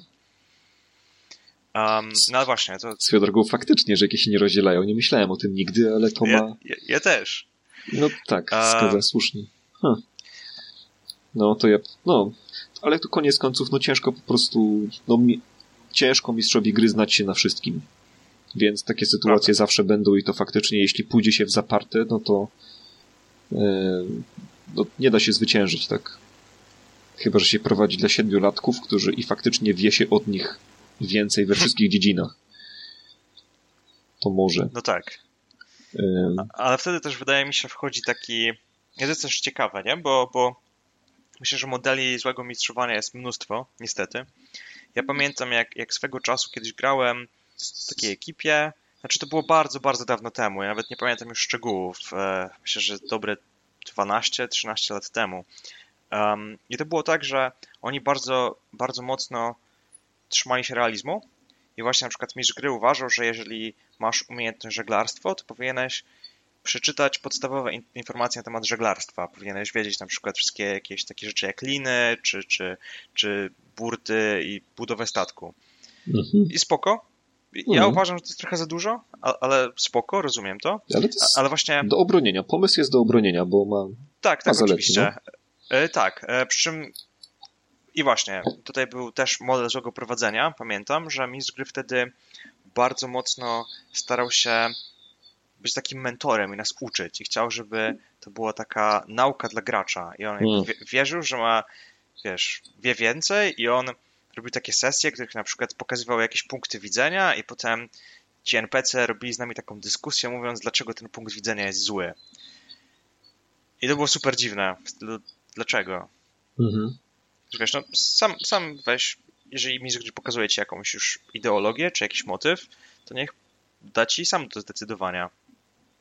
Nawet jeżeli to będzie, wiesz, taka trochę będzie podkopane, bo pokaże ci jakąś rzecz w innym świetle, ale niech to będzie dla ciebie, a on nie. Powiedział, że to jest taki moment, że on będzie nas uczyć. I też będzie nas karać, jak będziemy robić złe rzeczy. Mm. Tragiczna sprawa. No to też ocieramy się trochę o. Też pamiętam, pierwszy Warhammer jest tutaj wielkim winowajcą, bo tam mhm. jest też trochę podobnie, jakby to, o czym mówisz, tylko trochę inaczej, bo tam jest. Nie wiem, czy. Jak się nazywa ta przygoda z pierwszej edycji, którą wszyscy znają? Tam jakiś Oden... Kontrakt. Kontrakt Odenhauera? Odenhauera. Mhm. Tak, i tam jest ta, ta scena, która myślę, że wielu osobom ustawiło w ogóle myślenie, na czym polega bycie dobrym graczem. Mhm. Tam jest to, że bohaterowie właśnie wchodzą, idą na noc do karczmy, wynajmują pokój i jest chyba opisane, że jeśli gracze zareglowali okno, jeśli gracze powiedzieli, że zamykają okno, nie, nie tam nie reglowali, jeśli powiedzieli, że zamykają okno, to spoko, a jeśli nie, to ktoś się wkrada w nocy do ich pokoju i tam kradnie im sakiewki. Faktycznie, tak, tak. To jest napisane w przygodzie, jako po prostu tak, tak jest. I myślę, że do dziś dużo osób jakby jak mówi, że jestem doświadczonym graczem, to w tym jest właśnie taka jakby to za tym idzie, tak, że ja wiem, wiem, co się powinno robić, a czego się nie powinno robić. Aha, i że rozna się te wszystkie triki, takie jak na przykład to ja wkładam karteczkę pomiędzy drzwi karczmy, znaczy mojego pokoju, mhm. jak, jak otwieram drzwi i ona będzie leżeć na ziemi, to czy ktoś, ktoś już tam był. Widzisz, tak. jestem doświadczonym graczem, znam te wszystkie triki. A już, już teraz przypominają mi się jeszcze gracze, którzy ten na noc y, podróżują przez dzicz i w nocy wykopują sobie dół, wchodzą tam i się po szyję zasypują ziemią. Albo nie, nie, nie. Y, Co? Nie miałeś tego? A czy nie pamiętam, czy... Nie, nie. Masakra. Nie, ja na sesji chyba nie miałem. Na sesji miałem chyba tylko standardowo graczy, którzy chcieli spać w pancerzach. To, to, to się zawsze przerabia, wcześniej i później. Trochę zależy od konwencji, bo czasem można. Mhm. Y I tak dalej. No to zależy od pancerza i w sumie w czasie, w czasie wojny stuletniej wojsko angielskie spało w zbrojach, z tego co wiem. O, nice. Bo taki gość y Matt Easton ma kanał na YouTubie Skola Gladiatora i tam on czasem się ociera o takie RPGowe tematy, czy, czy czasem się ociera w górę, w górę o taką wiedzę historyczną, ciekawą, a czasem stricte RPGowo i chyba odpowiadał właśnie na pytanie a propos spania w pancerzach i noszenia pancerzy i jako przykład podawał tak, że w czasie wojny stuletniej wojsko angielskie generalnie uciekało przed wojskiem francuskim, z tego co wiem, a więc ponieważ chcieli być gotowi na bitwę po prostu w każdej chwili, no to spali w pancerzach także. Hmm, ciekawe. E, to było a propos tego, jak długo można nosić zbroję i przeżyć. Znaczy w sensie, jak, jak długo można to robić? Można. W ogólności można. Zależy oczywiście jak zbroje i tak dalej. Tam problem raczej był z tym też, że te zbroje po prostu im przemokły, więc po prostu te zbroje na nich rdzewiały. Bo zbroję Ach. trzeba po prostu utrzymywać mocno. Jak się ją nosi ciągle, no to ona się potrafi się szybko zużyć, zwłaszcza jak jest deszczowa powoda, e, pogoda. Kończąc tę dygresję, mhm. wampir mi się jeszcze przypomina okay. e, z sesji. One myślę, że już nie będzie chyba nowych wniosków specjalnie, co jest słabego w sesjach, ale ale to było coś pięknego. Pojechaliśmy, byliśmy na studiach na pierwszym roku i y, to by jeszcze, to chyba był jeszcze pierwszy miesiąc pierwszego roku, czyli mieliśmy zajęcia wyrównujące. Ten jeden miesiąc, kiedy nas na uniwersytecie uczyli wszystkich rzeczy, których nas powinno nauczyć liceum. Okej. Okay. I pojechaliśmy z, z nowo poznaną osobą do Ciechocinka, bo w Toruniu studiowaliśmy. Daliśmy się wyciągnąć na jakąś tam sobotnią sesję i trafiliśmy. To prowadziła jakaś znajoma. Ej, faktycznie prowadziłem ten, bo to a propos naszych tutaj rozważań, czy dziewczyny prowadzą RPG. Tam prowadziła dziewczyna RPG. Niestety zrobiła to bardzo słabo. E, więc była to sesja wampira. Stworzyliśmy mhm. postacie mhm. na miejscu e, i stworzyliśmy postacie bardzo wysokopoziomowe. Nie pamiętam, nie pamiętam dokładnie ile, natomiast e, staty, niektóre staty wynosiły więcej niż 5 na pewno i dyscypliny większe niż 5. to tam na pewno było y, w tych postaciach, więc one były super potężne. I, i tak, sesja się zaczyna. W ciągu pierwszych 10 minut dowiedzieliśmy się, że jakaś plaga ma miejsce na świecie i każdy okay. z nas mógł sobie, albo była losowana, albo mogliśmy sobie wybrać, nie pamiętam, która z naszych kończyn nie działa. Jest sparaliżowana. Dla mnie to było szczególnie smutne, bo grałem Brużachem. Czy Bruża? Bruża, tak? Bruża jest... Brucha nie wiem. Nie wiem, ale tak. Bruża, no, prawda na pewno. I, no to jest klan, który jest bardzo mocny fizycznie, więc dla mnie paraliż kończyny jest bardzo słabą rzeczą. Prawda. No bo nie jestem jakimś tam intelektualistą, który może się wygadać z sytuacji, tylko moja postać była dobra w biciu rzeczy. Albo rzucaniu hmm. rzeczami w inne rzeczy. I sesja się jakoś tam toczyła, działy się rzeczy, natomiast Trubruża i Temporis jeden z graczy, ten właśnie gość, który jakby był gospodarzem tam, który nas zaprosił na ten wyjazd cały, on grał klanem Trubruża. Ja nie wiedziałem, że takie coś istnieje wcześniej. Okazało się, że istnieje. E, I ten klan, ten klan ma taką dyscyplinę klanową Temporis. Czyli de facto ma taką magię władania czasem. Mhm jak to opowiadałem jakimś znajomym, którzy się na wampirze znali, tylko powiedz, wspomniałem Trubruża, to oni od razu wiedzieli, że a, Temporis, wiemy o co ci chodzi. No tak. Temporis na takim wysokim poziomie, na jakim on to miał, kojarzą mi się liczby 9 i 14, nie wiem, czy tam jakieś możliwe, że miał... 9, Moż... 9 brzmi sensownie, a to chyba trochę za dużo, ale okej. Okay. 9 to super dużo, tam przecież 5 to jest mistrz dyscypliny generalnie, 9 to jest po prostu tak, tak. absurdalna ilość, a nie wiem, czy tam nie miał nie 14 chyba, nie, nieważne, miał super dużo. Więc de facto mógł robić wszystko. Więc były akcje. Nie, tak naprawdę on po prostu, on wszystko robił na sesji. Myśmy nic nie mogli, bo jak mhm. on coś chciał zrobić, to on to robił. Ponieważ spowalniał czas, to było coś w stylu, że on spowalniał czas na przykład do jednej setnej tempa czasu, a on zachowywał normalną, normalne tempo akcji. Więc miał po prostu miał pauzę w czasie każdej, każdej walki, każdej sytuacji, kiedy mógł po prostu zrobić 100 razy więcej rzeczy niż inni. Czy tam coś koło tego. No może to było paręnaście razy spowolnienie, ale e, okay. no nie było opcji, więc były różne sytuacje, które się działy. Jakieś walki, jakieś tam paranormalne rzeczy się działy, ale my nie mogliśmy nic, ponieważ ten gracz mógł zrobić wszystko. I w tamtą sesję był wpisany konflikt między graczami. Na przykład moja postać dostała tajne zadanie na początku, że miałem właśnie tego gościa, tego trubróża zabić. Powodzenia. No nie, i była scena pod koniec, że leżymy na ziemi chyba. Dobra, jesteśmy w jakimś miejscu i tam się lawa wylewała. No i byliśmy w jakichś ruinach pod ziemią i tam niektóre części podłogi to była lawa. I padliśmy oboje na ziemię. No to ja stwierdzam, dobra, no to odpalam potencję i kopię tego gościa z całej siły w tą lawę. To po prostu, no już nie tyle, no to jest wszystko, co mogę zrobić w celu jakby... Nie no, chcę go zabić, mhm. tak? To jest mój cel, chcę go zabić. To się stało, został kopnięty, ale nie, włączył ten poris i odskoczył w, w, w porę. Wow. Więc, znaczy, jeśli już jako bruża najbardziej fizyczny klan, wykorzystałem moją dyscyplinę potencji i największą siłę, żeby kopnąć gościa w lawę, a on i tak się uchronił, no to no to co jeszcze można było zrobić? Co do widzenia. Więc... Ale niestety to chyba też źle przemyślany konflikt. No, zdecydowanie. Konflikty...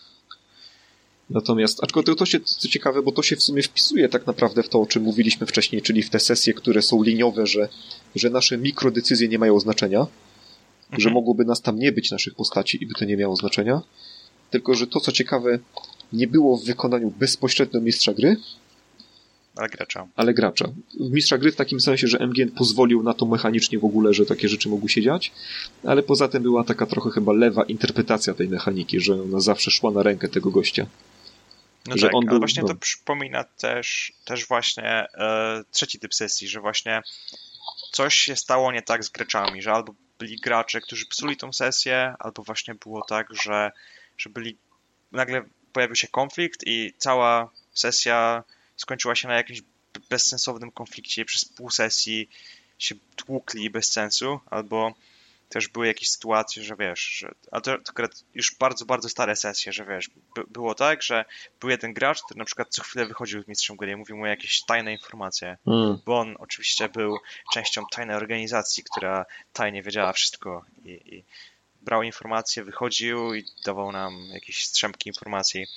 Um, no tak, to faktycznie były złe sesje. Grałem takie.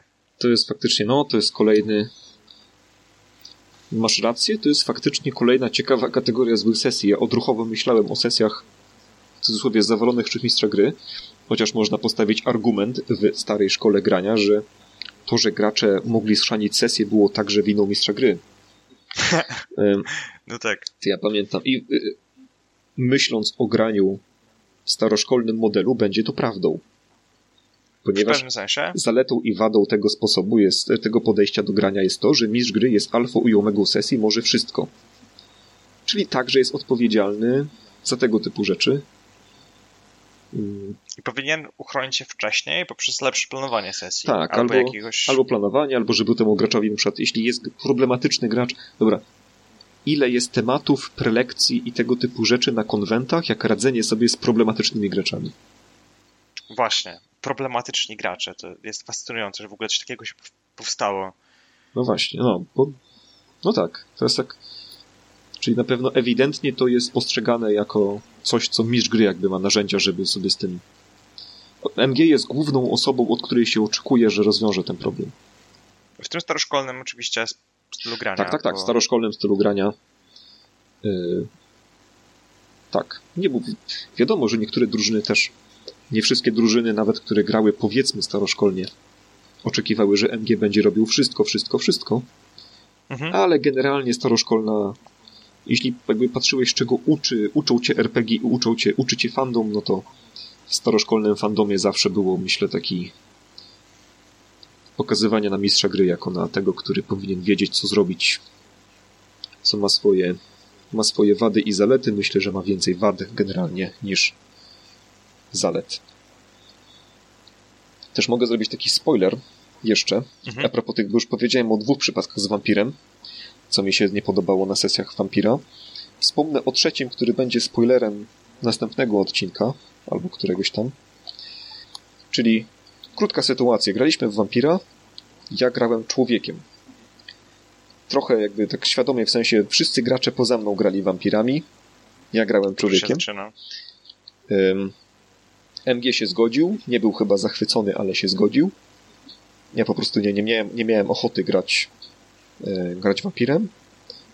Na pierwszej sesji trafiłem, gdzieś zostałem ogłuszony chyba i związany. W każdym razie zostałem spokrewniony przez wampira asasyna. Tak, asas. No ten, Asamici chyba. As, no o, tak. Asamici chyba, tak. No ten klan, który jest generalnie, to są asasyni, tylko wampiry. Tyle. I zostałem spokrewniony przez niego na pierwszej sesji. Mm, I long story short... I rozwiązał się problem niebycia wampirem, rozumiem.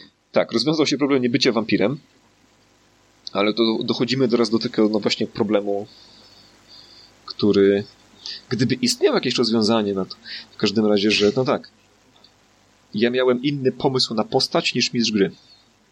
Ach tak, e, znam te rzeczy, znam te momenty. Ja, ja, ja przypomnę tę historię. Już kiedyś o tym mówiłem, e, ale nasi słuchacze pewnie nie znają tej historii. Otóż mam takie założenie, że jak, jak idę do kogoś na sesję. Przecież dobrze nową, wiesz, że nasi słuchacze to są tylko nasi znajomi i nasza, nasze babcie, więc. Wiadomo. E, ale właśnie, Znają jak idę na nasze sesję, no. do nowej osoby, to mam takie założenie, że zawsze wpakowuję na wszelki wypadek trochę punktów w walkę, jeśli ten system pozwala na walkę. Bo, i właśnie idziemy tutaj do sesji, którą grałem, um, sesja sama w sobie była ciekawa tylko, że był tam problem. Otóż jaki był tam problem? Um, graliśmy też w Vampira, notabene. I Słuchacze, my sobie... nic nie sugerujemy, my tylko zauważamy. I patrzę sobie na te klany, mówię tak, Plucha nie, Gangrel nie, nie wiem, e, coś tam Torrador, nie mam ochoty. I tak nagle patrzę, klany neutralne, jest tam Giovanni i myślę sobie, hej, to brzmi nawet ciekawie. tak patrzę na te rzeczy i tam są jedna z możliwości tej dyscypliny, którą oni mieli, nekromancji, była rozmowa z duchami. mogłeś tam rozmawiać z duchami, jakoś e, wiązać się ze światem duchowym, przywoływać te duchy i tak dalej. Myślę sobie, ej, to brzmi spoko, w sumie bym tym zagrał. No i pytam się mojego mistrza gry, którym mamy grać tą przygodę, ten jednostrzał, jednostrzał zresztą, czy tam, znaczy, to był początek nowej kampanii. I się go pytam, słuchaj, czy, czy ten Giovanni ci pasuje, czy to jest ok, czy, czy mogę wziąć te duchy, czy na przykład wziąć coś innego, jak ty myślisz? On powiedział, nie, nie, wiesz co, weź cokolwiek, ta przygoda i tak będzie o tobie, znaczy się o was, więc cokolwiek nie weźmiesz, będzie dobre. Wiesz sobie? Okej. Okay. No i graliśmy chyba w trzech graczy i każdy zrobił sobie taką postać niewalczącą. Znaczy Mieliśmy chyba to brzmi, to brzmi na... potencjalnie bardzo fajnie, ale tak, czuję, tak. czuję tak. chmury burzowe się zbierające. E, dokładnie. Mieliśmy Toreadora, który żywał prezencji, czy coś takiego. Już nie pamiętam. Byłem ja, ten Giovanni, było coś jeszcze. I ogólnie nikt nie potrafił walczyć. W ogóle.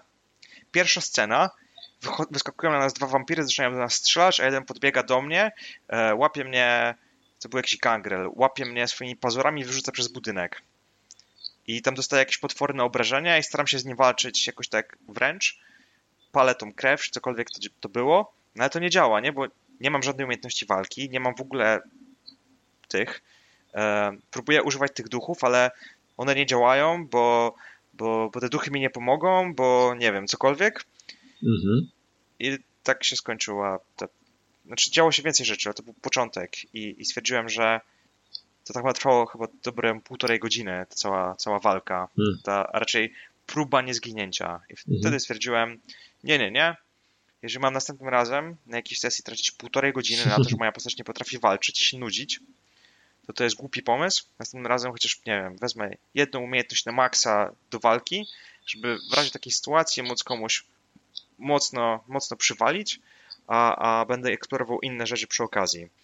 No ale to też właśnie pokazuje, nie? że to też jest, będziemy o tym rozmawiać. Gdyby było jakieś narzędzie, które moglibyśmy z mistrzem gry porozmawiać i powiedzieć mu, słuchaj, mnie interesują duchy i interakcje ze światem duchowym i może konflikty z tym związane, hmm. a nie strzelanie, bo jak widzisz, wszystkie postacie nie mają ochoty walczyć. Mhm. To jest tak naprawdę jedno z narzędzi, które, bo tu mówimy o, że czasem mistrzowi gry trzeba właśnie związać ręce.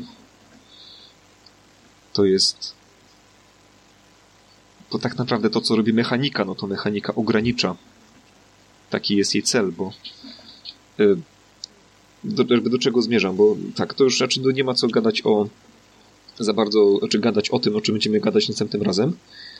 Natomiast znaczy, jest... Podsumowując to, co mówiłeś, chodzi o to, żeby mhm. mieć możliwość pokazania mistrzowi gry, w co chce grać i jak chce grać. I mistrz grę powinien dostosować do tego Tak, tylko grania. jest takie, jest powinien, ponieważ MG możecie zignorować. Bo, no bo w sumie tu czy, no tak. czyż tego nie ustaliliście na początku, przed sesją? No w pewnym sensie powiedziałem mu, że chciałbym nie walczyć. Znaczy, może nie powiedziałem słowa nie walczyć, ale patrz, to są moje umiejętności. Żadna z nich nie potrafi zadawać żadnych obrażeń. Bo to. Bo generalnie, no bo tak, no bo flagi, o których będziemy mówić, yy, z nimi jest też taki problem, że MG zawsze może je zignorować. I poza no tym tak. masz. No bo jest także zarzut przeciwko flagom taki, że po co ci flagi, kiedy po prostu możesz się dogadać z mistrzem gry. A jak widać nie zadziałało. Yy, no właśnie, ale widzimy, że to czasem albo często nie działa. Teraz tak myślę, tak na boku przemyślenie, bo ten wampir ciągle pada. ale nie, ale poważnie, bo on pada, on pada na tyle często, że coś jest na rzeczy. A, to na pewno. Więc pytanie co? Moja pierwsza intuicja jest taka, że wampir wampir jest takim systemem, który jakby bo on mechanicznie się nie różni prawie niczym od innych systemów. Mam na myśli mhm. teraz no od Warhammera, od Gurbsa, od Neuroshimy, on się różni marginalnie. Bo nie ma, jest mechanika statów i co należy rzucać, żeby odkrywać, czy tak. zabiłeś gościa, czy nie. No ale nie ma nic więcej. Jest mechanika i opis świata. Mechanika jakby, no mechanika rozwiązywania konfliktów, która ma binarny rezultat, czyli sukces albo porażka zazwyczaj. Z wyjątkiem obrażeń postaci i śmierci. To jest, mhm. to jest dobre podsumowanie wszystkich mechanik, które wychodziły kiedyś. Natomiast wydaje mi się, że przez to że wampir miał taką renomę, czy może tak, wydaje mi się, że większość mistrzów gry jest słaba. Więc... Myślę, że masz rację. Tak, więc systemy, które y, lepsze sesje są tam, gdzie system związuje mistrzom gry ręce i zmusza ich do zrobienia ciekawych rzeczy. Więc um, wydaje mi się, że dlatego Dungeons and Dragons odnosi jakby, jest relatywnie dobre, w sensie uh-huh. łatwiej trafić na przyzwoitą sesję Dungeons and Dragons, ponieważ Dungeons and Dragons ma więcej stałych, dobrych elementów, o ile tylko MG nie będzie ich unikał już, czyli naprawdę nie będzie chciał wszystkiego zmienić, to masz pewną taką gwarancję minimum bezpiecznego, czyli przede wszystkim walki. Jeśli tak, będą walki wiesz co, mhm. mi się wydaje, że, że, że właśnie problem jest taki, że znaczy ja nie przeczytałem nigdy całego podręcznika do Vampira Maskarady, więc może są tam te informacje, chociaż wątpię. Um, Vampir Maskarada, czy tam inny wampir, on nie mówi ci o czym tak naprawdę będzie przygoda i o czym ma być historia. Za to D&D mówi bardzo prosto. Poszukiwacze przygód zostają wmieszani w jakieś rzeczy, przez co idą do lochów, żeby zabijać potwory i zdobyć skarby i punkty doświadczenia. D&D z tego co kojarzę nie mówi o tym explicite, natomiast jest to trochę tak wielu ludzi to akceptuje po cichu, to założenie mhm. i ono jest bezpieczne w ogóle i, i, i spoko. No bo D&D mówi chociażby o tym przez to, że 3 czwarte podręcznika to jest mechanika walki. oraz po, połowa podręcznika Mistrza Podziemi, przynajmniej do trzeciej edycji, to były opisy jak konstruować loch. Więc no coś jest na rzeczy. No właśnie, no i w Dungeons and Dragons mistrz gry nazywa się mistrzem podziemi, a nie mistrzem gry. Co tak, też, jest, tak. też jest fajne swoją drogą. Natomiast wampir myślę, że może, czy prawdopodobnie według mnie, to dlaczego dużo sesji wampira jest słabych, jest właśnie to, że wampir wampir szczególnie zachęca właśnie do takiego bycia dobrym mistrzem gry. Czyli on mhm ma bardzo mało ustrukturyzowanych elementów, ma silny nacisk na storytelling i narrację, ale bez żadnych żadnych porad i systemów, jak to zrobić dobrze. Więc no tak. tak. jak D&D, powiedzmy, D&D ma takie, no, krocze to jest zły, złe sformułowanie, czy też szczudła, nie, krocze. Natomiast bo D&D ma walkę, która jest duża i ciężka, ale jeśli ją zrobisz, to będzie spoko. Wampir tego nie ma. Wampir mówi, nie, nie, to jest system dla poważnych ludzi, którzy lubią po prostu poważnie grać. I wydaje mi się, że. Nie tłumaczy, czym jest poważne granie. Tak, i teraz wampir może być super, jeśli masz mistrza gry, który jest bardzo dobry. Natomiast, no, tylko on jest. Tylko on jest dobry dlatego, że ten mistrz gry jest dobry. Bo system nie pomaga. Ten mistrz gry, Niestety. ten mistrz gry by se poradził w dowolnym systemie. Po prostu, no tak. po prostu wampir usuwa wszystkie takie pomoce mechaniczne, znaczy bardzo dużo, daje ci tylko dużo opisów świata, bo wie, w tym systemie, z tego co pamiętam, generalnie większość rzeczy to jest jakby nacisk na świat i, i klimat i to, co tam się dzieje w tym świecie i politykę. Mhm. Natomiast nie daje ci żadnych pomocy, tylko wiesz, powodzenia, poradź sobie. I że mistrzowie gry, moim zdaniem, którzy do wampira ciągną, to są właśnie ci, którzy często mają właśnie masę takich złych nawyków i uważają się za świetnych storytellerów, chociaż nimi nie są. I system, tak, po, tak. system po prostu im za mało związuje ręce. Ale pewnie to samo można powiedzieć o Warhammerze. Przy czym, tak. e, znaczy przynajmniej tych mistrzów gry, którzy zostali przy pierwszej i drugiej znaczy, edycji. Wydaje mi się, że przez tak, wydaje mi się, że przez to, e, przez jakby taki marketing wampira, przez to, hmm. jakie on sprawia wrażenie, że on jest tym poważnym systemem dla poważnych graczy, że on bardziej przyciąga tych ludzi, którzy potem robią złe sesje. Bo mają, okay, bo mają dużo złych wyobrażeń. E, natomiast Warhammer jest, jako że Warhammer jest taki trochę bardziej pospolity i to są jednak to jest jednak fantazy, gdzie bohaterowie, gdzie są elfy, krasnoludy i czarodzieje. Mimo wszystko. Mhm. Więc w ten sposób po prostu jest mniej. Mechanicznie jest teoretycznie to samo, czyli nie ma nic o odgrywaniu i tych rzeczach i tym, jak prowadzić dobre sesje. Tylko wampir, tak, tak. wampir poprzez marketing przyciąga bardziej problematycznych ludzi. Okej. Okay. Czy to, no, Co prawda, no. wydaje mi się, znaczy nie, że chcę bronić e, Vampira i Warhammera, bo uważam, że są na tej samej półce, tylko że tak jeszcze myśląc o tym, myślę, że, że, że też Warhammer może mieć ten, tą drugie, drugą kategorię problemów, czyli właśnie taki hiperrealizm i um, ja jestem w bractwie, więc opowiem ci, jak wygląda walka.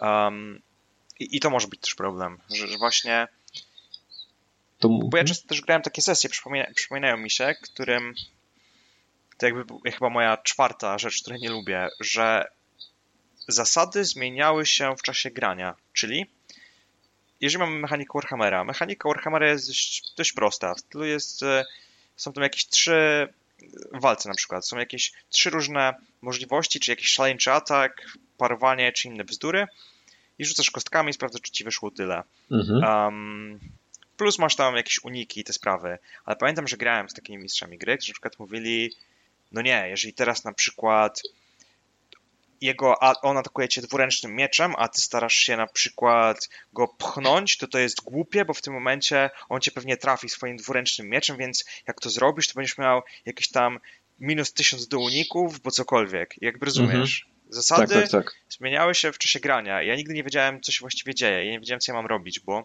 nigdy nie wiedziałem, co się stanie. W pewnym... Nie wiedziałem, jaki będzie hmm? efekt. W pewnym sensie w takiej sytuacji podręcznik w ogóle zaczynaliście grać w, w grę bez podręcznika po prostu. No trochę tak, z definicji. Tak.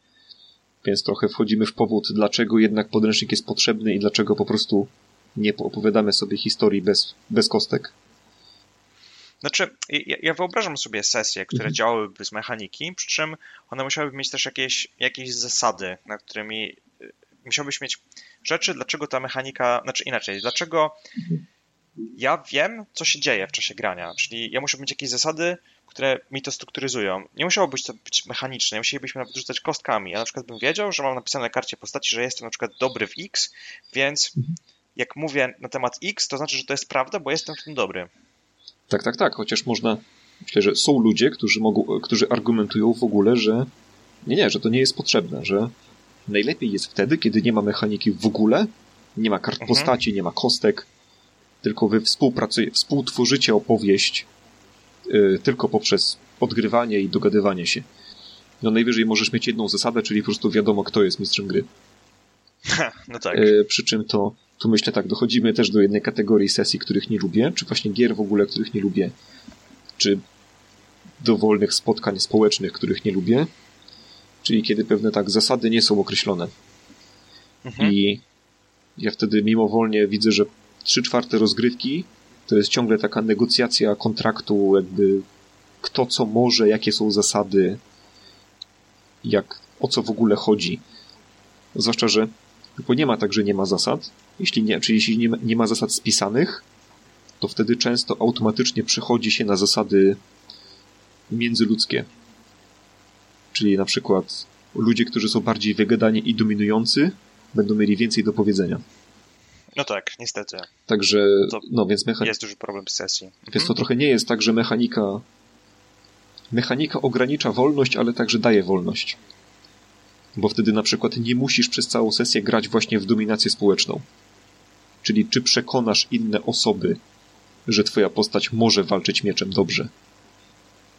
No bo, tak. No, bo co jeśli dwóch graczy się będzie ze sobą walczyć, no to jak się, mhm. jak się dogadają na temat tego, kto wygra? Wchodzimy już, wchodzimy w konflikt społeczny po prostu i w nasze skille z życia codziennego. No w mechanice, od tego masz mechanikę, żeby ci powiedziała, ile masz walki mieczem i rzuty kostek rozstrzygną to y, jednoznacznie, także jakby wasz konflikt w walce mieczem rozstrzygacie między innymi w momencie, kiedy tworzycie postacie i wybieracie, ile chcecie mieć walki mieczem obaj. No I tak, wtedy, dokładnie. No wtedy jakby no, ustalasz swoje priorytety, tak? Co chcesz na tej sesji robić? Czy chcesz wygrywać walki mieczem, czy chcesz przekonywać? To jest też ciekawy problem. Um, ja już kiedyś o nim myślałem, że w takim razie um, wszystkie decyzje, które robisz, robisz tak naprawdę przed grą. I to jest ciekawe, bo to jest mój główny problem z takimi bardzo prostymi mechanikami, bo widzisz um, i w ogóle to też idzie w stronę tych złych sesji, bo, bo tutaj idziemy z powrotem do tej sesji Konana, o której mówiłem, że wszystkie wybory, które robiłem na tej sesji, związane z walką, czyli na przykład mieliśmy tam, nie wiem, 30 trafień w czasie walki, tak, to cała ta, wszystkie moje decyzje zostały już podjęte wcześniej. Czyli, wiesz, mhm. gdybym, gdybym już wziął i gdybyśmy rzucili tymi kostkami przed grą i po prostu dopasowali te wyniki, to mistrz gry mógłby już mi opowiedzieć, co się stało. Ja nie miałem żadnego wpływu na to mogłem powiedzieć, kogo atakuję, albo kiedy na przykład, wiesz, się wycofuję, ale nie wycofywałem się. Więc tak naprawdę wszystkie ataki, które były, mhm. były tak naprawdę już wybrane przed grą. kiedy tworzyłem postać. Tak naprawdę. I to jest też ciekawe, nie? Tak naprawdę w tej twojej sesji Vampira, gdzie grałeś tym Giovanni, było podobnie z tego, co rozumiem, ponieważ A, tak, nie wziąłeś tak. walki, więc potem przez półtorej godziny pokutowałeś za jedną decyzję tak naprawdę. Dokładnie, dokładnie. I, I myślę, że są, że na przykład są sposoby, żeby to zrobić. D&D wybiera to poprzez dodanie taktyki, żeby z planszówkow- robić walkę bardziej planszówkową. Dzięki temu masz więcej wyborów do podjęcia. Znaczy, aha, tak, że gra, no, gra mechanicznie Mhm. wymusza pewną przestrzeń decyzji na sesji. tak, Poza wtedy- tym D&D robi to także w ten sposób, że wszystkie postacie są postaciami walczącymi.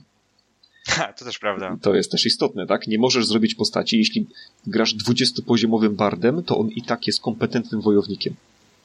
Tyle. W D&D nie ma, Hmm. nie ma postaci dyplomatycznych tylko. Wszystkie postacie są przede wszystkim postaciami walczącymi.